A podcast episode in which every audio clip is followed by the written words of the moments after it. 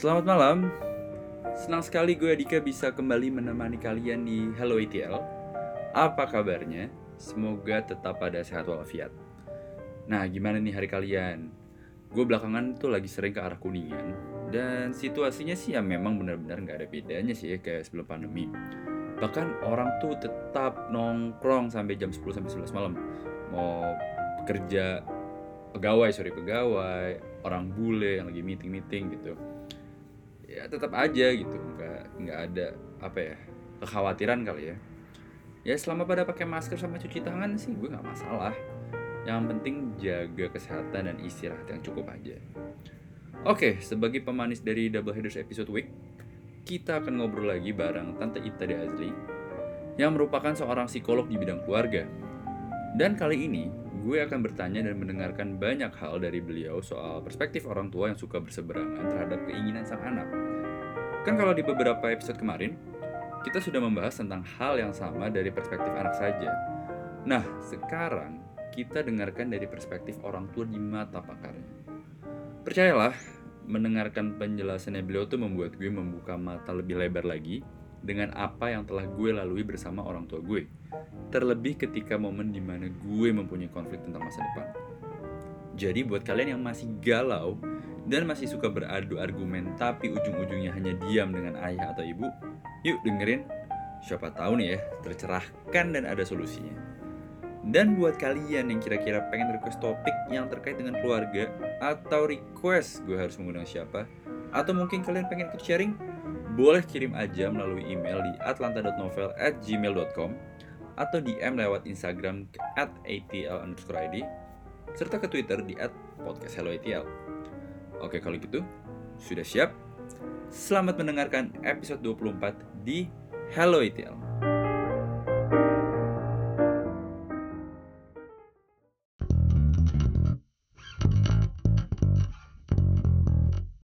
Oke, kali ini gue sudah tersambung kembali bersama Tante Ita yang merupakan psikolog di bidang keluarga. Selamat malam Tante.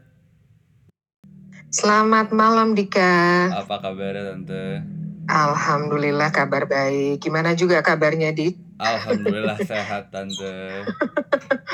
Meskipun ya meskipun situasi masih suka naik turun ya Tante di luar sana. Iya.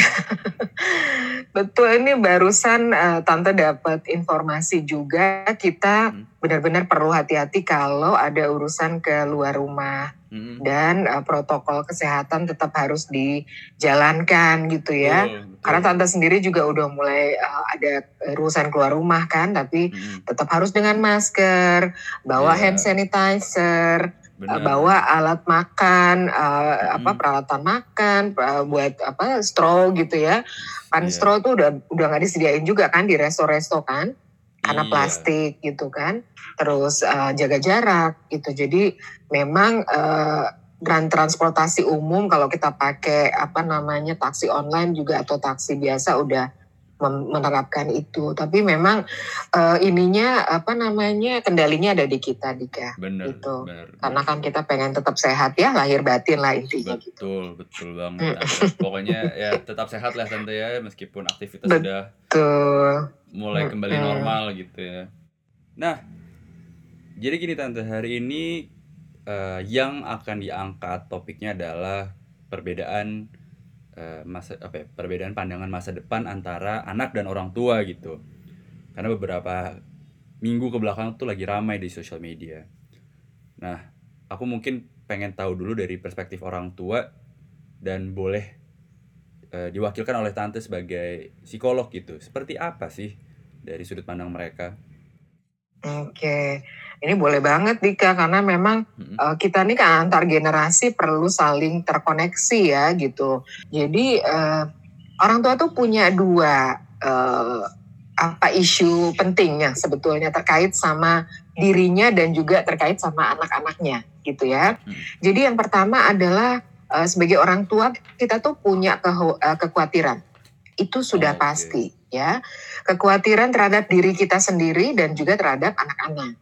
Hmm. Eh, dan yang kedua, kita punya harapan gitu Mm-mm. terhadap diri kita dan juga terhadap anak-anak. Nah, setiap orang tua itu salah satunya memang kekhawatirannya adalah mengenai masa depan anak gitu. Oke. Dan masa depan ini bukan hanya karir ya, tapi apakah nih anak nanti berkeluarga, eh, siapa nanti pendamping hidupnya, Hmm. bisa nggak kalau anak laki ya, bisa nggak dia nanti menafkahi keluarganya gitu ya. Hmm. Kalau anak perempuan nih, kalau kita kita bicara budaya ini timur, Iya. bisa nggak dia ngurus suami sama anak-anaknya gitu kan ya, Iya. gitu. Hmm.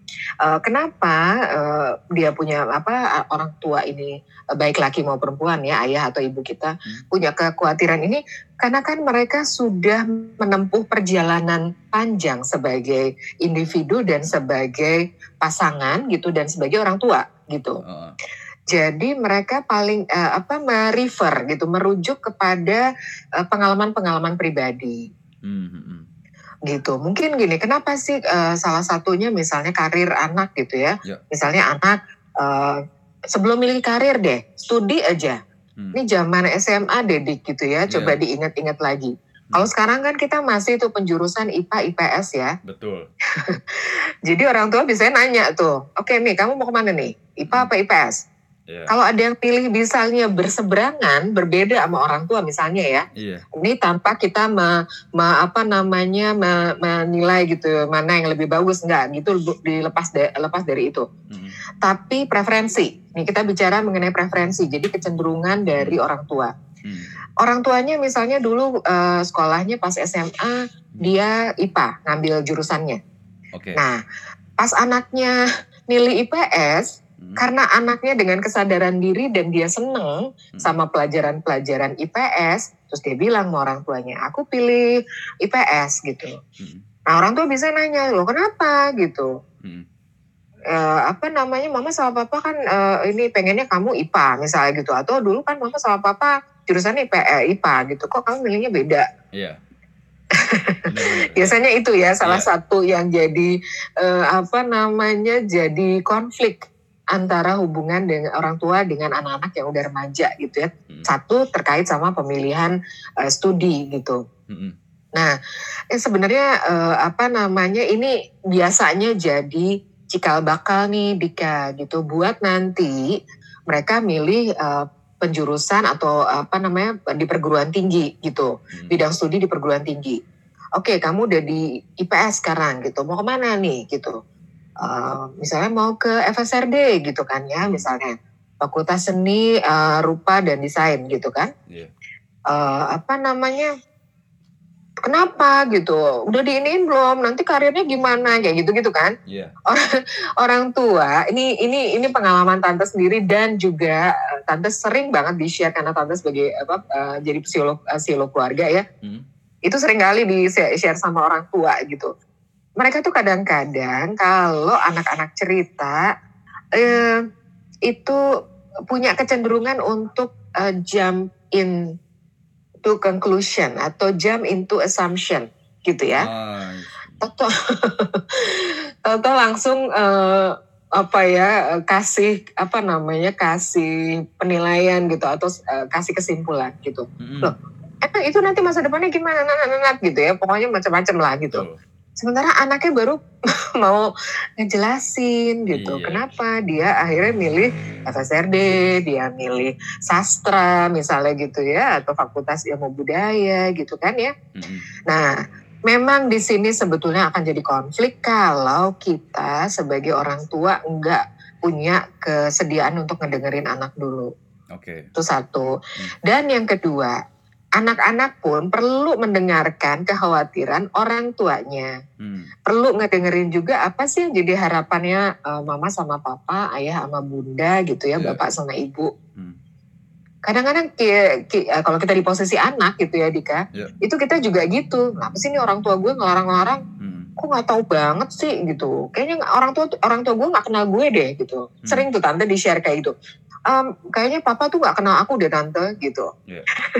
Kenapa? Eh, padahal kan aku dari awal udah bilang aku cita-citanya pengen jadi ini gitu. Tapi tuh kakaknya papa tuh resist banget gitu, tentang banget gitu. Iya. Padahal kan papa ngerti aku tuh kayak gimana, orangnya seperti apa gitu. Nah, Hmm. jadi salah satu key points penting adalah yuk saling ngedengerin Hmm. gitu. Orang tua kasih kesempatan, maksudnya gini, kalau tante selalu nganjurin, ini menyarankan ya untuk setiap minggu deh bikin kayak semacam uh, get together gitu ya, Oke. in the family gitu ya. Mm. Uh, apalagi kalau anak-anak udah mulai gede gitu, Hmm. udah mulai SMP, SMA, dan bahkan udah kuliah gitu Mm. kan. Iya. Karena seperti tadi Dika bilang, kita punya pemikiran yang berbeda, Iya. kita punya uh, perspektif yang berbeda. Mm. Uh, dari sisi sudut pandang orang tua Oke. berbeda uh, sama anak gitu. Iya. Yuk kita saling menyelaraskan. Jadi kalau kita nggak fine tuning, Hmm. cukup sering, kita jadi kadang-kadang lost gitu Mm. ya. Eh, zaman dulu kalau kita dan kalau sekarang kan radio udah digital ya nih kalau tante pakai analoginya. Zaman Iya. dulu tuh di kalau kita pakai radio transistor namanya Hmm. tuh yang mesti diputer-puter gitu ya buat Hmm. nyari gelombang gitu.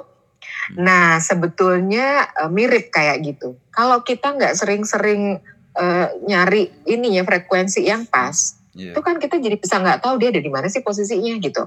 Mm. Nah sama orang tua juga gitu nih anak gue sebenarnya gimana sih arahnya gitu kan. Mm. Nah uh, orang apa anak juga gitu. Ini sebenarnya mama sama papa punya kekhawatiran atau harapan apa sih terkait sama saya gitu. Nah fine tuningnya itu pada saat kita lagi kumpul bareng gitu ya. Mm. Uh, Nggak usah yang muluk-muluk sih harus bikin family meeting yang gimana gitu nggak. Mm. This is a very casual gitu ya a family get together, tapi mereka punya space buat saling sharing. Orang Oke. tua nyampein, Mm. anak juga dengerin gitu. Mm. Jadi bisa tuh akhirnya jadi ketahuan kekhawatiran seperti apa. Jadi kalau ditanya seperti tadi, eh, kenapa sih kok sering berseberangan? Ya itu karena kita adalah generasi yang berbeda Orang tua eh, sudah punya pengalaman gitu ya jam terbangnya lebih panjang daripada kita sebagai anak-anak. Mm. dan kemudian mereka sudah punya eh, pengetahuan ya Ya. dan pengalaman. Nah, berda- berdasarkan itu makanya mereka membangun kekhawatiran dan harapan sama kita gitu. Makanya di situ sebenarnya yang jadi eh, poin utamanya sih kalau menurut tante untuk membicarakan eh, apa namanya isu ini gitu atau topik ini Nah tapi kan sering kali tante anak tuh jarang diberikan kesempatan untuk menyampaikan apa yang ada di pikiran mereka gitu. Nah, memang ini eh, perlu ada satu kesadaran eh, masing-masing ya, Hmm. Dika.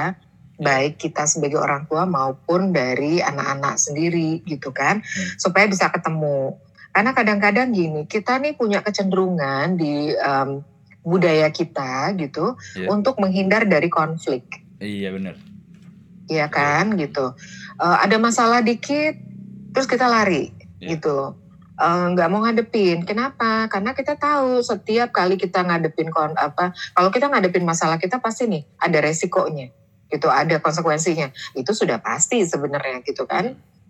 Tapi kan gimana caranya kita eh, mau ngajak diri kita buat, yuk kita ngadepin em, masalah ini sama-sama ya. Jadi kalau tante highlight itu sebenarnya memang eh, satu kita perlu eh, membangun awareness eh, antara orang tua dengan eh, anak-anak. Nah, kalau orang tua kita ya, em, tante juga sadar diri sih ya se- sebagai orang tua tuh kadang-kadang kita punya punya banyak banget kesibukan gitu ya Dika. Iya. Jadi kadang-kadang kita juga manajemen waktunya kalau nggak benar-benar kita kita punya eh, apa kesadaran pribadi gitu ya dari eh, kita sebagai orang tua, tuh kadang-kadang eh, porsi waktu buat anak-anak tuh jadi berkurang gitu. Iya. Sementara anak-anak butuh perhatian, butuh kehadiran kita gitu ya. Mm. Meskipun tidak secara langsung, eh, kadang-kadang harus online gitu ya, harus Hmm. virtual gitu. Tapi anak-anak butuh hadir gitu. Eh, eh, Anak-anak butuh orang tuanya hadir. Nah, Mm. sering kali kitanya juga em, apa namanya kurang tuh porsinya untuk eh, untuk akhirnya bisa hadir buat anak-anak pada saat mereka sedang memerlukan kita Oke. gitu. Nah, kalau tante sih biasanya dalam situasi seperti ini kok orang tua kayaknya nggak mau ngasih kesempatan ya buat kita Iya. gitu ya, nggak ngasih ruang gitu. Kalau memang kita hmm, mau, ya artinya gini, balik lagi ke diri kita. Kalau ini sesuatu yang penting buat kita dan memang ini bagian dari prioritas kita, oke deh, kita perlu proaktif nih gitu. Hmm. Proaktifnya gimana? kan sekarang udah mulai bisa chat di WhatsApp, bisa di Line gitu ya, Iya. uh, bisa di Telegram gitu kan, Mm-mm. atau Hangouts kayak uh, apa namanya kayak gini gitu. Iya. Nah itu apa namanya uh, kita bisa ini uh, bisa uh, chat sama orang tua kita. Pak, pak, uh, apa namanya? Aku lagi ada ada yang mau didiskusiin nih gitu. Aku butuh pendapatnya papa atau mama gitu. Kapan waktunya yang uh, lowong deh kita buat ngobrol gitu. Nanti biar uh, kita saling nyelarasin, misalnya gitu ya bahasanya ter- terserah deh kayak gimana. Tapi intinya kayak gitu. Nah kita coba lihat deh respons orang tua kita. Eh, kalau orang tua kita nggak nggak nggak ngeh gitu, kitanya sendiri yang akhirnya proaktif. Jangan dibiarin. Nah, sering kali tante dapat sharing dari remaja atau mereka yang sekarang kalau remaja kita bicaranya soal Gen Z ya. Hmm. Tapi kalau udah milenial tuh yang udah dewasa gitu ya. Nah, biasanya tuh mereka tuh sering kali kalau di apa namanya di apa eh, ya habis eh, apa orang tua kadang-kadang suka nggak ngeh kalau aku lagi ada penting segala macam disampaikan nggak gitu. Mm-mm. Hmm, ya gitu sih abis kayaknya gini udah ada udah ada reluctancy tersendiri gitu Iya, untuk iya. nyampein Mm-mm. gitu ya karena kayaknya lagi sibuk deh udah deh ntar aja ntar aja gitu kan iya sih kita bisa berempati seperti itu sama orang tua kita gitu Hmm. tapi eh, apa namanya kan juga kita punya keperluan kenapa dong gitu? Kalau memang itu keperluan kita gitu ya kita yang akhirnya perlu move gitu. Kita perlu untuk bergerak gitu. Kita perlu akhirnya kalau sekarang kalau di Stephen Covey itu di um, apa namanya eh, apa kalau pernah baca bukunya eh, bukan cuma Seven Habits tapi Eight Habits of Highly Effective People gitu itu kan salah satunya habits adalah be proactive ya. Mm-mm. Ini sebaiknya bisa diterapin be proaktif gitu cuma perlu kita em, siap kalau ternyata kita udah proaktif orang tua kita Mm. nggak menanggapi nggak merespons gitu Iya, itu banyak banget soalnya benar. aku udah coba gitu kan gitu ya di kayak Iya. benar. A- ah, aku udah coba gitu atau biasanya gini tante men- menemukannya eh, anak sudah proaktif sudah se- sedemikian rupa dia proaktif tapi orang tua tuh biasanya punya self defense-nya sendiri gitu loh tante dengan berbagai macam alasan Hmm. Iya, nah eh, sebenarnya mungkin kesannya jadi ke semacam self defense ya Dik ya Iya. gitu. Ah, ah. tapi seperti tante bilang gitu, kita nih memang perlu belajar banyak di dalam hal eh, komunikasi ya, Hmm. apalagi nih komunikasi antar generasi gitu kan ya, yang eh, kita udah pernah bahas ya Dika ya Iya, gitu. iya. Jadi eh, memang nggak mungkin aja satu permasalahan, apalagi di keluarga Mm-mm. itu pada akhir keluarga itu sistem soalnya Iya. satu yang mengalami satu yang merasakan gitu efeknya ke yang lain soalnya gitu Mm, mm, jadi ada domino efeknya kalau di eh, dalam karena keluarga itu sistem mm. gitu kan jadi eh, apa namanya dan kalau misalnya kita ya kita nggak kita nggak pernah bisa milih orang tua kita Iya benar. orang tua kita tuh given gitu sudah dikasih sama yang maha kuasa gitu ya Iya. So bagaimana kita uh, make the best of uh, this giving gitu ya, this, this Hmm. giving, uh, give giving of love gitu from God gitu kan Yeah. ya. Uh, jadi memang pada saat orang tua uh, kesannya di kita oh self defense sih gitu, Mm. gua kan lagi perlu, bo ya gitu ya, tolong dong sediain waktu sedikit aja. Uh, makanya ada kan tuh yang tante pernah baca gitu sampai dia tuh nanya sama bapaknya Hmm. karena bapaknya sibuk banget dan dia ter- termasuk uh, highly apa ya paid consultant gitu Oh. sampai anaknya nanya gitu pak em, berapa jam sih? Eh eh, kalau untuk satu konsultasi eh, konsultasi satu jam berapa sih ininya fee-nya bapak gitu kan? Hmm.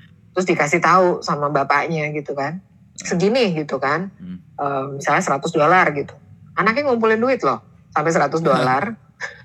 Pas dia udah punya duit 100 dolar dia bilang pak nih saya udah punya duit 100 dolar. Saya mau eh, minta waktu sama bapak gitu untuk konsultasi Oh. nih uangnya. Kebayang nggak Dika gitu? Iya iya. Mungkin itu bukan real story ya tapi eh, untuk meng, menye- apa ya kayak merimain gitu apa mengingatkan orang tua gitu betapa anak-anak tuh kadang desperately Iya. seeking eh, seeking attention gitu ya Betul. dan kadang-kadang kita sebagai orang tua bisa jadi nggak ngeh gitu kalau anak-anak kita lagi butuh Hmm. perhatian lagi butuh kehadiran kita gitu apalagi kalau dianggapnya anak-anak udah gede udah Iya. besar udah bisa ngurus diri sendiri gitu kan. Jadi kadang-kadang kita suka take for granted tuh alah masa gitu aja kamu nggak bisa nyelesain? Alah gitu aja masa kamu bingung? Nah, ya udah iya. kamu tanya sama guru kamu. Kamu tanya deh sama, sama PA kamu misalnya gitu kan ya. Iya. itu tante sering banget tuh di di share kayak gitu gitu ya. Apa namanya loh kok kayak diambil apa di dialihin gitu. Padahal kan kita butuhnya mereka gitu. Nah ini adalah bagian dari eh, apa ya challenge atau mungkin eh, kalau mau dibilang challenge boleh mau dibilang konsekuensi boleh gitu sebagai anak yang sedang tumbuh dan berkembang menghadapi orang tua dengan segala macam sikap dan perilakunya Hmm. tapi ujung-ujungnya gitu, kalau kita akhirnya take it personally dalam arti kata kitanya jadi baper sendiri. Betul. Gara-gara orang tua kita nyikapin kayak begitu. Hmm. Dan kayaknya selalu dia kayak defensif gitu ya. Kalau udah kita minta dia ini. Hmm. Oke, this is the time untuk kitanya akhirnya grow up dalam arti kata gini. Hmm. Oke, kalau misalnya sekarang yang gue butuhin dari orang tua gue apa sebetulnya? Ya, Iya. apakah nasihat atau bimbingannya, atau gue hanya butuh mereka ada aja gitu. Gue nggak perlu dengerin, maksudnya dia nggak perlu deh akhirnya ngasih ngasih kalimat-kalimat apa namanya eh, nasihat-nasihat gitu ya. Petuah-petuah yang eh, canggih-canggih. Enggak enggak gue cuma butuh mere- melihat mereka ada di depan gue ngelihat dengan mata kepala gue ngelihat dengan mata kepala gue sendiri bahwa hey they are here gitu for me gitu kan. Iya. nah itu relieving gitu kan. Banyak yang kayak gitu soalnya. Terserah deh papahnya mau dengerin kayak enggak kayak gitu Iya. karena udah saking desperate-nya Hmm. pokoknya yang penting dia ada di depan ke- saya gitu terus mungkin dia cuma ngelihat sekali dua kali karena selebihnya dia ngeliat HP-nya gitu kan Iya. urusan kerjaan nggak bisa ditinggalin nih gitu misalnya Iya. gitu kan Hmm. kebayang nggak kita mau ngomong sama orang tua kita tapi orang tua kita itu yang menjadi stresor buat kita jadi pemicu stres Hmm. kita gitu nah yang seperti ini kadang-kadang bikin mereka juga jadi lama-lama mundur apa withdraw Dari, Iya. eh, apa relasi atau interaksi di dalam keluarga. Nah, em, sayang kan, sementara kita dikasih karunia hidup, kita kita mungkin punya tujuan hidup gitu ya. Hmm. Pada akhirnya akhirnya terhambat karena ada situasi-situasi seperti itu yang mungkin eh, bisa jadi eh, dipengaruhi oleh sikap dan perilaku dari orang tua kita yang mungkin kita kurang berkenan gitu. So eh, bisa jadi gitu Dika. Jadi Hmm. kalau tadi orang tua ada yang nggak mau ngasih ruang buat kita gitu, Hmm. make make the uh, make uh, make the room for ourselves gitu, untuk kita punya um, punya apa namanya kemampuan untuk Hmm. kita memberdayakan diri gitu, Uh, dan mungkin di situ barangkali jadi apa ya test case-nya buat kita, are we growing gitu, am I growing gitu, Hmm.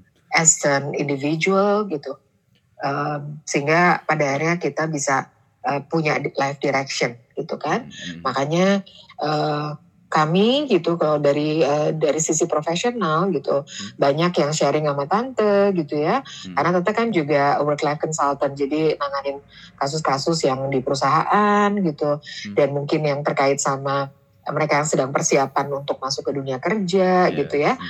Dan ada beberapa yang eh, teman-teman juga yang mereka coaches gitu, itu akhirnya juga sekarang ini banyak sekali untuk diajak sharing gitu mengenai tadi itu. Ya, kita kan udah kadang-kadang kadang-kadang kita butuh jalur-jalur itu itu channel-channel itu untuk bukan cuma venting out tapi akhirnya kita jadi punya arahan Iya. mau ngapain nih gitu. Sehingga pada akhirnya bukan dan kita tidak mau mengabaikan juga peran orang tua enggak enggak. Betul. Oke, gitu. Kita ambil porsi kita mendewasakan diri dengan cara seperti ini. Oke, once kita akhirnya udah tahu eh, apa yang jadi eh, direction kita gitu, apa yang mau, jadi kita udah tahu action plan-nya, salah satunya tetap harus komunikasi dengan orang tua gitu Hmm. Ya like it or not uh, mungkin kita harus ngadepin mereka dengan segala macam sikap defensifnya misalnya gitu ya Hmm. oke tapi kita udah punya modalnya kita udah punya nih amunisinya untuk ngomong jadi nggak blank sama sekali Hmm. gitu sering kali uh, itu uh, barangkali yang kita perlu lakuin. Oh oke, okay. I see. Cuman kan gini tante, di Indonesia kan uh, yang namanya budaya soal anak harus nurut, harus patuh sama orang tua kan membuat kami sebagai anak kan tidak bisa menjadi proaktif atau langsung ngomong gitu. Takutnya kami malah dianggap jadi anak durhaka tante. Ya, nah ini memang kita nggak lepas dari uh, bicara mengenai budaya ya gitu. Yeah. Nah, kayak gini nih di Indonesia, uh, kenapa kok kita ini nggak jadi orang nggak bisa asertif gitu? Kok sulit sekali ya buat orang Indonesia atau kebanyakan deh ya. Uh, kita kalau bicara Indonesia itu kan luas banget ya. Betul. Uh, mungkin kita jadi merefer ke ini kita deh keluarga gitu. Hmm. Saya misalnya kayak tante orang uh, tante tuh campuran uh, Jawa, Sunda, kemudian uh, Sumatera Selatan gitu ya. Yeah. Iya. Uh, apa namanya? Uh, nah budaya-budaya itu kan beda tuh gitu ya. Yeah. Iya. Uh, apakah tante kemudian diajarkan untuk bersikap asertif sama orang tua pada saat ngomong? Hmm. Apalagi dulu gitu. Kalau sekarang anak-anak udah bisa talk back, uh, Dika. Yeah kalau sekarang anak-anak ngomong sama orang tua bisa ngeliat mata gitu. Iya. Kalau kita dulu nggak boleh sama sekali. Kalau lagi diajak ngomong sama orang tua, hmm. ya ini untuk untuk pengetahuan antar generasi aja, hmm. itu benar-benar perlu nunduk. Nunduk iya. nggak yeah. boleh ngelihat sama sekali. Ke arah mata, apa apalagi karena kesannya kayak nantangin, hmm. gitu yeah, ya. Bener.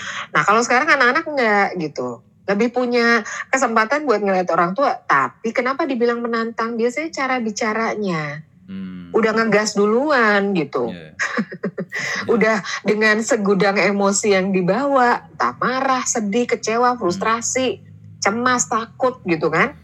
Hmm. Dan de- mungkin mungkin stres juga gitu yeah. kan. Hmm. Jadi akhirnya itu yang bayangin kalau kita dalam kondisi emosi hmm. yang seperti itu gitu ya perasaan kita tuh penuh dengan segala macam perasaan yang enggak nyaman gitu hmm. terus kita ngomong sama orang tua ujung-ujungnya pasti bertengkar.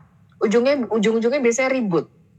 Hmm. Jadi akhirnya nggak kelar tuh masalah. Nah, ini memang adalah kemampuan untuk kita bisa sadar diri. Jadi uh, kenapa pada akhirnya kita perlu belajar bersikap asertif, gitu ya? Hmm. Karena untungnya adalah buat diri kita.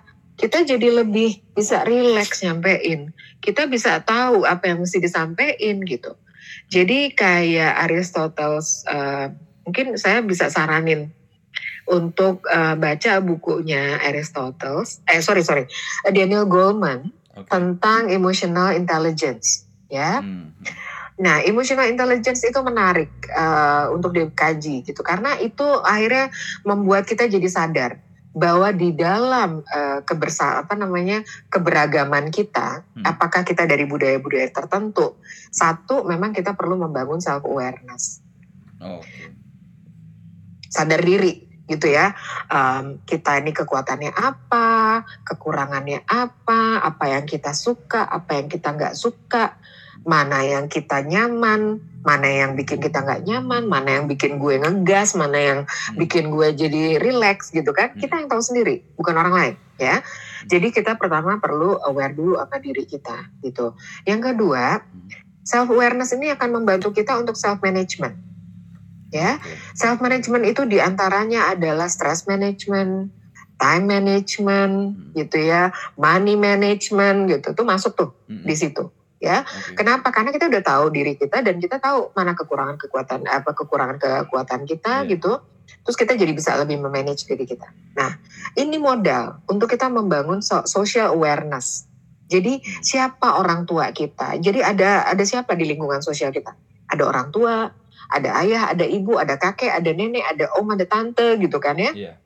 Ada sepupu, ada ponakan juga mungkin gitu kan ya. Karena mungkin uh, kakak atau uh, kakak kita udah pada nikah, misalnya kita punya keponakan misalnya gitu. Hmm. Nah, itu lingkungan sejauh mana kita aware dengan siapa kita berinteraksi. Hmm. Bagaimana sih gitu ya mereka tuh punya apa ya kecenderungan bersikap berperilaku gitu kan yeah. mana yang bisa kita oke okay, mana yang enggak mana yang nyaman buat kita hmm. mana yang enggak gitu kan kita jadi jadi bisa ini kan bisa bisa lebih apa namanya ngebantu untuk akhirnya kita berinteraksi sama mereka. Hmm. Nah, yang terakhir adalah relationship management gitu. Jadi bagaimana kita memanage uh, relationship kita? Antara kita dengan orang tua, kita dengan saudara-saudara kita, kita dengan lingkungan pertemanan kita, kita dengan uh, apa teman-teman kerja gitu kan ya. Iya. Jadi empat uh, empat hal itu yang memang uh, kita sebagai apalagi kita sekarang udah dewasa ya, Hmm. itu perlu untuk bisa membangun uh, apa namanya kemampuan untuk kita ngasah itu. Nah, dari mana kita ngasahnya? Dari persoalan-persoalan yang kita hadapi Hmm. Termasuk dengan orang tua kita. Jadi kalau tadi misalnya, nih orang tua belum apa-apa, kita ngomong udah ngomong gini, misalnya gitu ya. Hmm. Ayo, kalau misalnya kamu nanti gitu ya, eh, apa namanya nentang mama sama papa udah jadi anak durhaka ya, gitu kan? Itu kan udah nyurutin, eh, bukan nyurutin, udah bikin kitanya juga jadi nggak nyaman sebenarnya dengar kalimat itu, ya. Iya. Eh, orang tua Hmm. there is always a reason gitu. So uh, thing, things happen uh, apa namanya for a reason gitu kan. Jadi apa pun yang terjadi itu pasti ada alasannya, ada ininya gitu, sebab akibatnya gitu kan.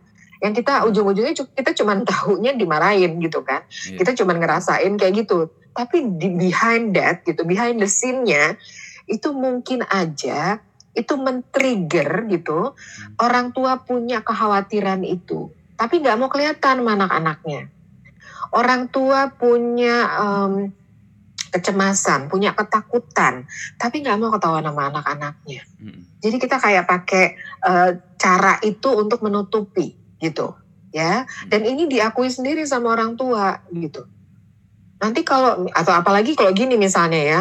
Ini sorry to say tapi it- ya it, it happen gitu ya. Dan itu tante me- mendengar sendiri dari Hmm. dari sharing uh, banyak orang tua gitu. Hmm. Kalau gue nggak marah nanti gue bawa gue jatuh di depan anak-anak gitu. Hmm. kalau gue nggak keras sama anak-anak nanti gue bawa gue jatuh di depan anak-anak gitu. Pride gue sebagai orang tua mana kalau gue nggak nggak Oke. ini gitu ya. Hmm.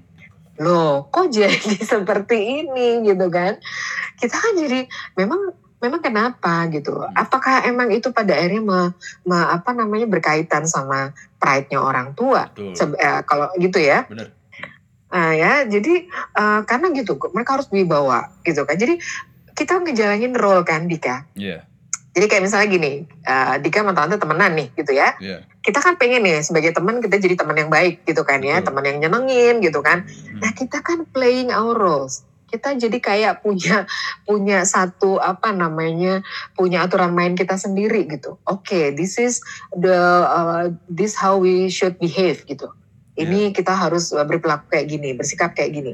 Dengan begitu orang pasti akan melihat kita sebagai orang yang ber, berwibawa, eh, sebagai teman yang nyenengin, Iya. teman yang fun gitu kan ya. Hmm. Padahal mungkin itu nggak kita banget gitu. Nah, pada saat kita akhirnya berinteraksi sama orang tertentu, kita pakailah si topeng-topeng itu. Iya. Nah, Mungkin juga itu yang terjadi sama orang tua kita. Kalau ternyata pada akhirnya dia bereaksi. Hmm. Jadi eh, reaksi dengan respons itu beda, Dika. Hmm. Reaksi itu, eh, jadi sering kali gini, kenapa kok orang jadi reaktif? Reaktif ini biasanya udah nggak pakai filter, udah nggak disaring, dia langsung marah. Sehingga eh, memang di sini pada akhirnya konflik itu sangat sangat mungkin untuk bergulir terus gitu. Makanya biasanya kalau misalnya eh, kita ngomong gitu ya, ya kitanya perlu perhatiin. Apakah ini membuat orang tua saya jadi reaktif? Hmm. atau gimana nih? Gitu karena reaktif itu tanpa saringan tanpa filter. Hmm. tapi kalau responsif beda. Kalau misalnya orang tua yang responsif adalah dia ngasih space dulu buat anak. Coba kamu duduk sini kita duduk sini deh. Eh, kita ngobrol dulu deh. Oke kamu pasti punya alasan gitu ya dengan pilihan kamu itu. Ceritain dulu deh sama mama. Itu responsif nah tapi kan untuk kemampuan ini orang tua perlu mau sedi punya kesediaan untuk Iya. dia juga mengajari dirinya, mem- memberdayakan dirinya gitu ya. Hmm. Ngadepin anak-anak itu perlu untuk em, menyikapi dengan responsif, bukan reaktif gitu. Hmm. Karena kalau reaktif ujung-ujungnya gitu, pasti akhirnya dua-duanya jadi ngegas. Iya. Karena nggak difilter gitu. Iya bener. Gitu ya. Kalau responsif itu kita filter dulu. Oke, jadi kalau jadi orang tua yang responsif adalah dia biasanya bilang oke, things happen for a reason. Misalnya salah satunya gitu. Oke, ini anak ngomong kayak gini pasti ada reasonnya. Gue dengerin dulu nih reasonnya apa gitu. Hmm. Ya, itu salah satu dia untuk me- membantu dirinya uh, apa namanya me mengajak dialog sama anak-anak gitu kan terutama untuk mereka yang sudah dewasa gitu makanya orang tua yang responsif itu meskipun kita pingin banget ya dapat orang tua yang responsif dan kalau udah dapat orang tua yang kayak gitu oke okay. well ya apa dia ada keeper gitu dia yeah. keepers gitu ya jadi kita mesti bener-bener uh, thank God gitu ya dapetin gitu kan hmm. orang tua yang penuh pengertian seperti itu tapi ya itu apa namanya challenge-nya di situ kalau menurut tante. Eh, eh tante aku jadi penasaran. Tadi kan mention soal parenting style. Itu sebenarnya ada berapa jenis parenting style sih tante? Uh, kalau parenting style tuh ada tiga sih Dika ya. Mm -hmm.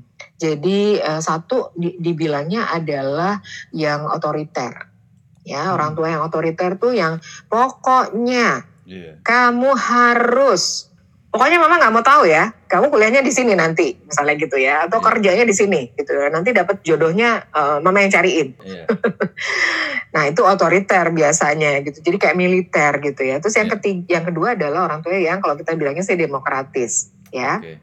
orang tua yang demokratis itu biasanya ngajak anak-anak dialog gitu kan terbuka untuk nerima nerima feedback dari anak-anak tuh sangat mungkin buat orang tua yang demokratis hmm. dia tidak merasa terancam juga karena dia perlu gitu kan. Dan anak-anak juga nyaman karena dia kasih ruang untuk dia bicara. Nah hmm. ada orang tua yang ketiga stylenya itu namanya adalah laissez-faire gitu. jadi itu bahasa bahasa Prancis um, artinya gini orang tua yang permisif yang apa apa dibolehin mah aku terserah kamu. Ya udahlah gitu. Ya udahlah kalau memang kamu maunya gitu ya udah hmm. gitu. Udah ya mama nggak mau tanggung jawab ya. Gitu. Hmm. nah ini sebenarnya ini role dari orang tua itu bisa tiga-tiganya. Kapan dia jadi otoriter, kapan hmm. dia jadi demokratis, kapan dia ya udah menyerahkan sama anak-anaknya. Hmm. Tapi sering kali ada kecenderungan orang tua tuh ngambil satu style. Hmm. Ya. Um, dan itu kadang-kadang jadi eh, bikin nggak balance juga sih sebenarnya gitu yeah. kan. Um, apa namanya karena katanya life is is never flat. jadi yeah. kita perlu nih dua-duanya. Kapan kita mesti otoriter? Ya contoh misalnya di keluarga-keluarga tertentu um, muslim misalnya gitu ya yeah. Ya. menerapkan untuk sholat lima waktu hmm. ya tidak boleh ditinggalkan karena itu prinsip hmm. di keluarga-keluarga um, apa Nasrani misalnya yeah. ke gereja hmm. tiap minggu gitu ya seminggu sekali ya atau makan berdoa sama-sama ya nggak boleh uh, apa namanya tinggalin berdoa gitu yeah. atau di keluarga dengan uh, keyakinan yang yang lain gitu ya hmm. nah itu mungkin akhirnya kita menerapkan uh, gaya uh, orang tua yang gitu, yang keras, eh bukan keras, disiplin, penuh dengan disiplin gitu ya. Jadi kita lihat peran orang tua kita kebanyakan seperti apa. Apakah dia memainkan peran gitu dengan dengan style otoriter atau dia kasih ruangan juga buat kita jadi bisa diskusi sama mereka. Jadi orang tua yang dengan menerapkan style yang demokrasi uh, demokratis gitu. Hmm tapi yang ketiga, apakah orang tua kita membolehin apa-apa gitu? Semua ini tiga-tiganya ada konsekuensinya. Ya, kalau konsekuensi, konsekuensi dari orang tua yang otoriter, anaknya jadi takut, hmm. nggak berani ngapa-ngapain. Dikit-dikit pasti nanya sama orang tua, gitu. Yeah. Ma, menurut mama gimana? Ya udah, kamu mau pakai baju yang mana? Oh, yang mana yang ini aja deh. Lah, tapi kan kamu pergi ke sini itu nggak bagus, ya gitu. Yeah, yeah. Jadi akhirnya dia nggak berani bikin pilihan hidup Hmm. Dia nggak berani even untuk melangkah satu langkah ke depan tuh nggak berani. Harus ada validasi dari orang tuanya dulu. Hmm. Boleh apa enggak? Hmm. Gitu. Oke okay, apa enggak? Orang tuanya kasih izin apa enggak gitu. Yeah. Jadi dia penuh dengan ketakutan biasanya. Penuh dengan kekhawatiran di dalam hidupnya. Kalau kita bilangnya jadi anxiety, ya. Yeah. Nah, uh, terus kalau yang permisif, Hmm. Akhirnya jadi nggak punya aturan main deh, nggak jelas. Hmm. Gitu karena apa-apa boleh, apa-apa boleh, apa-apa boleh gitu kan. Yeah. Jadi nggak tahu nih sebenarnya gimana sih gitu. Jadi dia nggak jelas, nggak ada direction yang yang jelas gitu ya. Hmm. Uh, semua di, dibolehin misalnya. Nah sementara orang tua yang demokratis memang sebetulnya banyak untungnya sih gitu. Yeah. Hmm. Hanya kadang-kadang ada waktu di mana anak-anak mungkin perlu dia punya space-nya sendiri untuk menentukan hmm. gitu. Tapi memang biasanya itu akan menjadi satu apa challenge tersendiri gitu ya Oke. untuk orang tua kasih kesempatan buat anak-anak. Jadi gitu Dika, Eh, apa namanya bukan hanya sekedar budaya aja sih kalau menurut tante dan norma-norma yang seperti itu sehingga akhirnya jadi jadi hambatan buat anak-anak untuk eh, ngomong mengenai masa depannya sama mereka gitu. Nah, eh, ini bukan waktunya untuk kita menjudge orang tua kita sih, ya. Oh, kayaknya orang tua otoriter nih, orang tuanya gue galak apa segala macam. Enggak. Mungkin they behave like that gitu karena ada ininya, latar belakangnya. What's behind the scene itu kadang-kadang yang kita sebagai anak perlu tahu. Ya, Pak Bihan. Eh, Iya kan, kadang-kadang kita kita juga ya ini ya, tante perlu ini juga remind karena tante juga jadi anak juga ya buat orang tua tante gitu Iya. kan. Eh, kadang-kadang kita perlu nge- ngingetin diri kita nih kenapa sih nyokap ngomong kayak begini? Iya. Ada apa ya gitu kan ya Hmm, gitu. benar. Hmm. Kok dia ujung-ujungnya marah sih gue ngomongin kayak gini? Emang kenapa sih? Padahal kan nothing wrong gitu kan Iya. gue kayaknya ngomongnya biasa-biasa aja kok jadi dia ngegas sih gitu ke gue Hmm. gitu. Nah, things happen for a reason gitu. Hmm. Pasti deh ada nih behind the scene-nya kita nggak Iya. tahu dan orang tua belum tentu mau ngasih tahu ke kita juga Hmm. ya.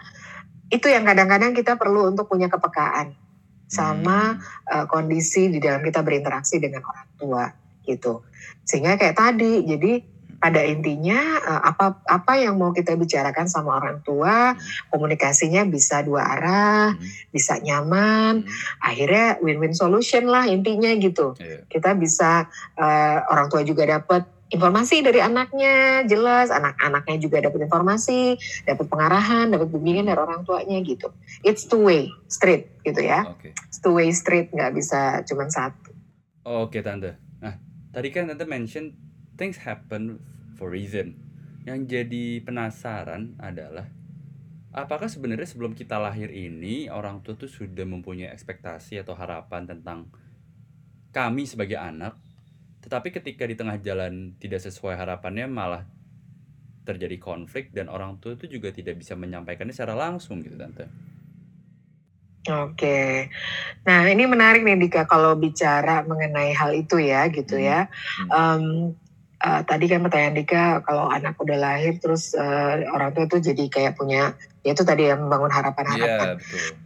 Nah, saya tante tante nggak tahu apa Dika juga ngalamin eh, di rumah gitu sama ayah sama bunda gitu atau eh, teman-teman yang lain juga ngalamin. Di budaya nih kebetulan tante kan dari budaya Jawa ya. Iya. Jadi budaya Jawa itu tuh ada eh, kayak ritual gitu, seremoni ya, seremonial Hmm.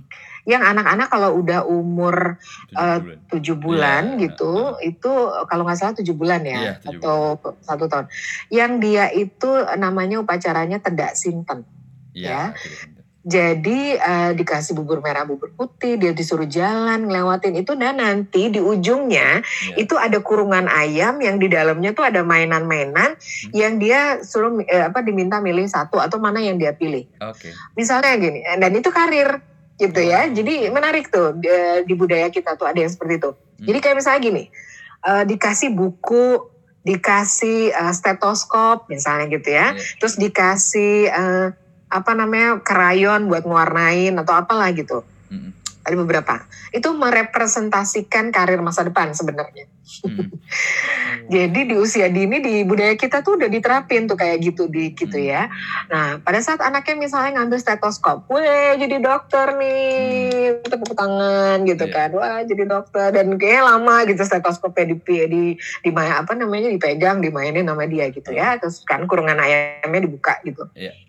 Eh, nah ada orang tua orang tua zaman dulu satu eh, eh orang tua orang tua yang masih menjadikan itu sebagai referensi Oh. bahwa itu ada iya Oh. itu instinktual gitu Hmm. di insting dari anaknya untuk dia menentukan arah masa depannya Hmm. sebenarnya gitu orang tua ngasih guide untuk kan dipegangin tuh anaknya kan belum bisa jalan bener ya Iya. pada saat dia nginjak uh, bubur-bubur tuh diinjak soalnya kan iya, iya. si uh, gitu kan Hmm. terus dia akhirnya ini se- kaki udah dibersihin baru dimasukin ke kurungan ayam itu gitu ya Iya. nah jadi uh, orang tua itu sebenarnya uh, ngasih bimbingan tapi dia uh, ngajak anaknya untuk menentukan direction dalam hidupnya Hmm. budaya itu sedemikian mulia, bukan mulia, sedemikian menariknya. Ya. Ternyata sudah ngasih space dari kita kecil Hmm. untuk bisa menentukan life direction kita.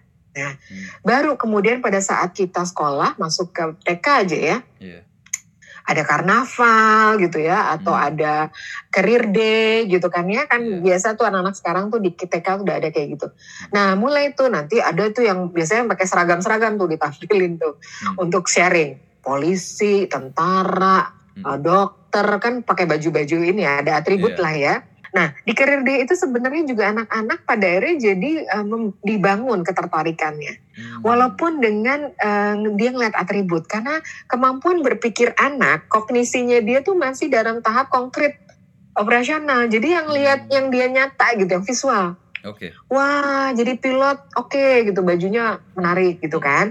Nah, mulai tuh dia. Nah, nanti pada saat SD biasanya udah mulai ditanya, Hmm. kamu mau jadi apa gitu kan? Aku pengen jadi dokter. Nah baru tuh ditanya kenapa? Hmm. Oh kan kemarin aku ke dokter. Eh, dokter tuh ternyata ini eh, pintar. Kenapa dia bisa tahu sakitku apa? Hmm. Ya. Terus dia bisa ngasih obat dan dari obat itu aku sembuh Hmm. gitu. Jadi udah tuh mulai punya tuh eh, bayangan-bayangan. Nah baru nanti mulai udah mulai mendekati SMP gitu ya. Dia sudah membangun ketertarikannya sendiri gitu Hmm. uh, terhadap uh, profesi-profesi itu dan di SMA kan udah mulai dijurusin kan di ini minat.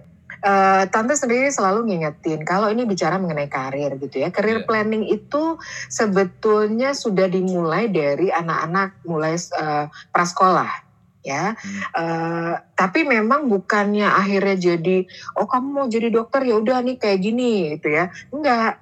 Kita tetap uh, sebagai orang tua kita kerjasama sama guru gitu Hmm. uh, pada saat kita memberikan pembi- apa bimbingan gitu ya.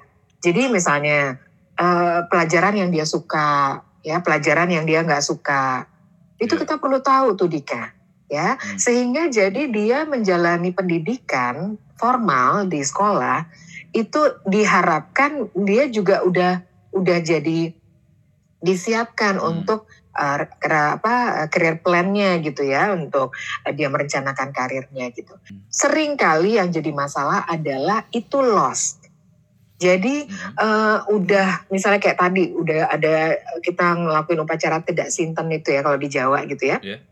Terus oh udah dia ngambil ini nih jadi apa namanya jadi dokter gitu atau jadi uh, guru atau dosen gitu karena dia ngambil buku misalnya gitu ya. Hmm. Udah tuh. Nah, udah sampai di situ terus nanti eh, TK ya nggak bener-bener emang kita akhirnya jadi em, membantu eh, mereka untuk akhirnya menyiapkan ke ke arah masa depan apa namanya ke arah karirnya gitu. Iya. Eh, lebih kita sebagai orang tua yang punya keinginan. Padahal mungkin kan makanya kenapa di psikologi itu dulu ada yang namanya William Gardner. Hmm. Itu tokoh yang akhirnya memetakan kecerdasan anak itu namanya eh, apa namanya multiple intelligence. Hmm. Kalau pernah dengar. Jadi ada tuh eh, kecerdasan linguistik, Hmm. kecerdasan naturalistik, Oh. kecerdasan eh, matematis apa namanya eh, yang angka-angka tuh apa sih namanya kok tante lupa dan ada ada, ada sembilan kecerdasan eh, multi apa namanya ganda gitu. Nah setiap anak tuh akhirnya dipetakan dengan kecerdasan kecerdasannya mereka itu. Oke. Nah hanya masalahnya kita tidak menerapkan itu bukan tidak ya nggak banyak juga orang tua yang akhirnya bekerja sama dengan guru untuk em, memetakan gitu ya eh, apa ke- eh, minat kompetensi anak gitu ya makanya kalau di psikologi kan ada tes minat bakat Betul. Dan itu biasanya dilakukan banyak orang tua yang meminta dilakukannya pada saat SMP Hmm. dan eh, kalau di SMA akhirnya dijadikan sebagai agenda di eh, sekolah Iya. ya untuk tes minat bakat gitu Hmm. kan. Nah eh, itu sebenarnya perjalanan panjang tuh Dika Hmm. untuk akhirnya orang tua tahu apa sih yang dilihat dari dari tes minat bakat. Hmm. Satu adalah potensi. Nah kita punya potensi diri semua. Nah tapi potensi itu bukan berarti kemampuan belum. Hmm. Kalau dia tidak diasah dia nggak jadi kemampuan Iya. kita punya ketajaman potensi itu sebenarnya. Kita punya potensi. Tapi sejauh mana itu bisa di uh, diberikan stimulasi kalau di kecil di masa kecil itu stimulasi untuk anak-anak akhirnya mengasah potensi itu menjadi kemampuan. Nah, anak-anak itu sering kali perlu diberikan stimulasi yang seperti ya mirip seperti itu ya. Jadi Hmm. dia punya dia menunjukkan satu perilaku atau kecenderungan sikap gitu ya. Hmm. Terus orang tuanya coba ngebaik gitu ya. Oke nih, ini enggak gitu. Ini ada kaitannya sama potensinya dia enggak? Minatnya dia enggak gitu. Hmm. Jadi akhirnya bisa tumbuh kembang dengan eh, sebagai satu kemampuan. Nah, sering kali karena ini tidak betul-betul eh, apa ya secara ber apa eh, berkesinambungan Hmm. pendampingan melalui stimulasi ini Hmm. ujuk-ujuknya nanti pada saat anak-anak memilih bidang studi atau bidang karir gitu yang berbeda dari apa yang dipikirin sama orang tuanya yang diharapkan Hmm. akhirnya jadi konflik gitu Hmm. loh kok kenapa nih gitu padahal kan nggak ujuk-ujuk ya Dika kalau bahasa Jawa tuh nggak tiba-tiba Iya. Gitu mudah-mudahan sih orang tua juga akhirnya kasih kesempatan buat dia Hmm. cari tahu dulu gitu Eh, tidak langsung akhirnya dijat tidak langsung untuk disimpulkan di apa namanya Hmm. jadi kayak ada asumsi gitu kan ya Iya. jadi eh, sebenarnya pada saat ada perbedaan itu dari apa yang jadi keinginan atau harapan orang tua, di situ sebenarnya adalah challenge untuk atau kesempatan opportunity untuk anak-anak dengan orang tua saling berkomunikasi. Lebih ke yang memang sudah eh, lebih di apa namanya terarah gitu ya. Jadi eh, apa namanya bukannya akhirnya jadi eh, harus kalau kita bilangnya tuh bahasa ininya tuh daerahnya tuh eker-ekeran. Hmm. Jadi saling saling apa bersikukuh gitu ya Iya. untuk pertahankan kemauan masing-masing. Itu biasanya ujung-ujungnya sering kali nggak ketemu atau anaknya jadi em, jadi mau apa namanya eh, jadi kesannya jadi kayak mau menang sendiri gitu kan. Padahal Iya. kan nggak seperti itu gitu. Dan kayaknya orang tua lebih proud ya. Nih baik lagi nih. Orang tua bisa nyebutin profesi kita itu em, seperti yang kebanyakan orang tua. Misalnya anaknya Nah, jadi apa sekarang gitu ya Iya, iya banget. Tante. jadi dokter ya kan Iya, jadi dokter, jadi pengacara gitu kan, Eh, apa namanya jadi jaksa gitu. Betul. Itu sekali. ada tuh profesi-profesi itu yang orang tua so very proud Bener. untuk nyebutin. Tapi pas anak saya jadi musisi gimana ya ngomongnya gitu? Nah, kadang kadang gini juga tante. Kadang aku mikir kita apakah kita sebagai anak tuh memang hanya sebagai alat biar orang tua kita itu bangga di perkumpulan teman-teman arisannya apa gimana gitu. Bahwa kita bahwa jadi kita tuh tidak tidak punya kebebasan untuk memilih apa yang kita mau tante Iya, nah ini kan kita sering kali nggak berani jadi anti apa, nggak berani jadi go- golongan yang anti mainstream ya Dika. iya iya. Semuanya pengennya mainstream gitu ya. Hmm, Em, ada profesi-profesi eh, yang dia kayak eh, buat anak-anak tuh apa buat keluarga tuh kayaknya wah gitu ya. Dan itu memang dari kecil gitu udah kayak ditanemin ke kita kita gitu kan. Eh, jadi eh, mungkin ini juga mudah mudah-mudahan bisa jadi satu eh, insight tersendiri ya buat teman-teman eh, Iya. Dika yang ngedengerin gitu Hmm. ya eh, yang mereka juga sedang dalam kondisi lagi harus memutuskan gitu eh, dan mau membuat perencanaan ke masa depan atau life planning gitu Eh, apa namanya mudah-mudahan eh, apa pun yang memang kita jadi yang tadi kita sharing ini yang yang barusan kita sharing ini Hmm. bisa kasih semacam insight lah gitu ya iya untuk eh, dijadikan eh, bagian dari eh, action plan-nya gitu buat dijajaki ke depan gitu. Dan kalau memang tadi ada eh, situasi konflik gitu dengan orang tua iya terkait dengan perbedaan-perbedaan pendapat, perbedaan tujuan Hmm. hidup gitu ya, iya perbedaan eh, apa apa namanya rencana buat masa depan gitu. Eh, take it as a challenge take it as a challenge Kenapa? oke Hmm, take it as a challenge. Kenapa? Karena kalau challenge kita jadi mau punya eh, ke apa apa eh, mau memotivasi diri untuk memberdayakan diri kita gitu hmm, ya. Eh, kenapa dan be part of the solution, our solution, life Oh, solution. Hmm, Don't be part of a problem ya Hmm. jangan jadi masalah lagi gitu Hmm. ya buat kehidupan kita gitu. Hmm. So uh, contribute uh, something positif di dalam kita punya uh, arah hidup kita ya. Hmm. Karena kalau kita melihat ini sebagai satu masalah gitu. Hmm. Betul sih problem is, is a chance for us to do our best. Tapi Hmm. kalau kita melihat ini dari perspektif bahwa ini adalah challenge adalah satu ujian gitu yang kita emang perlu kita hadepin gitu ya. Hmm. Nah, kalau ini dilihat sebagai sesuatu yang miserable, problem itu kan bisa dilihat sebagai miserable soalnya. Ya, there is a will, there is a way gitu ya. Hmm. Biasanya ada. Nah, sama ngadepin orang tua kita juga gitu.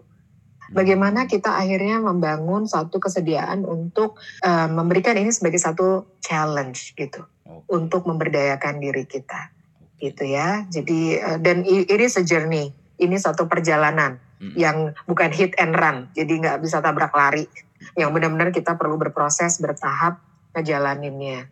Hmm, tapi kan ada beberapa anak di luar sana yang menganggap itu bukan challenge tapi tembok tante.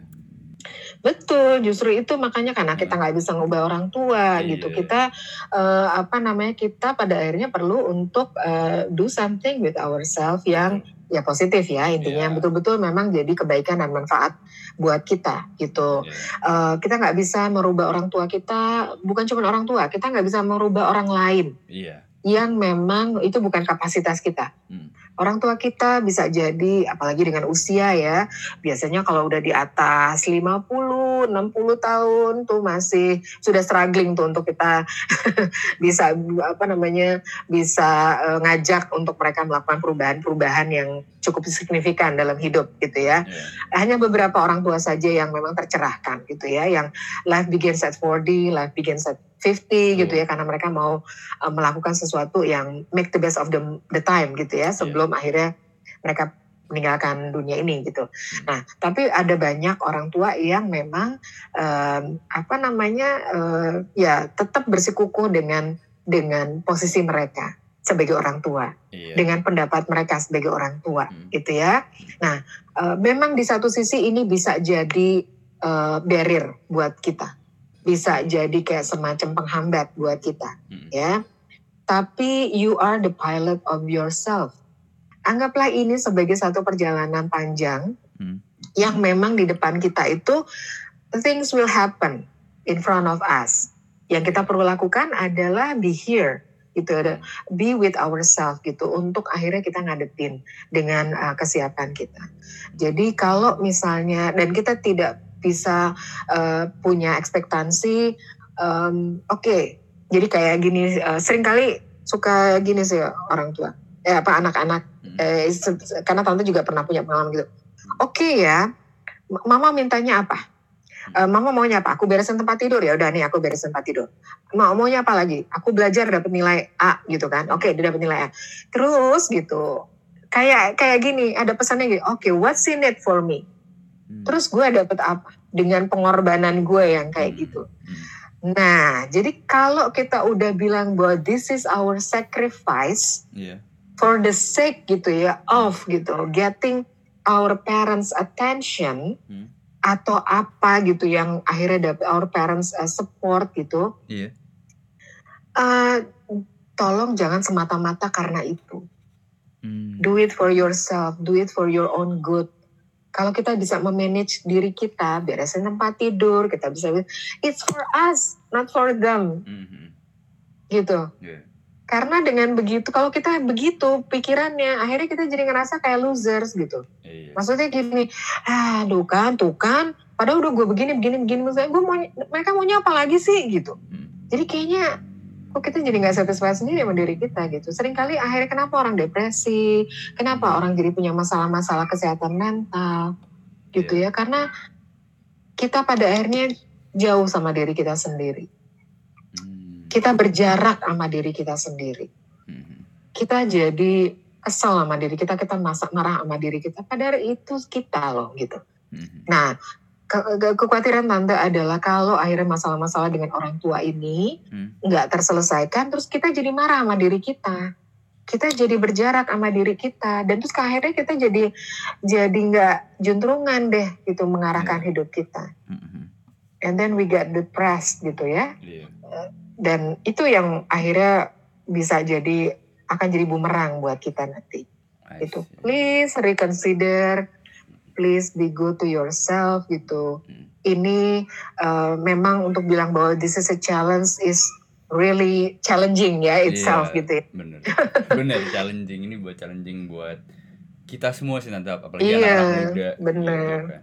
Eh, terima kasih tante untuk penjelasannya tentang untuk topik Mhm. ini. Semoga aku dan kita kita yang kami kami yang remaja nih juga lebih bisa mengambil perspektif yang lain atau sudut pandang yang lain tentang orang tua kami sendiri sih tante.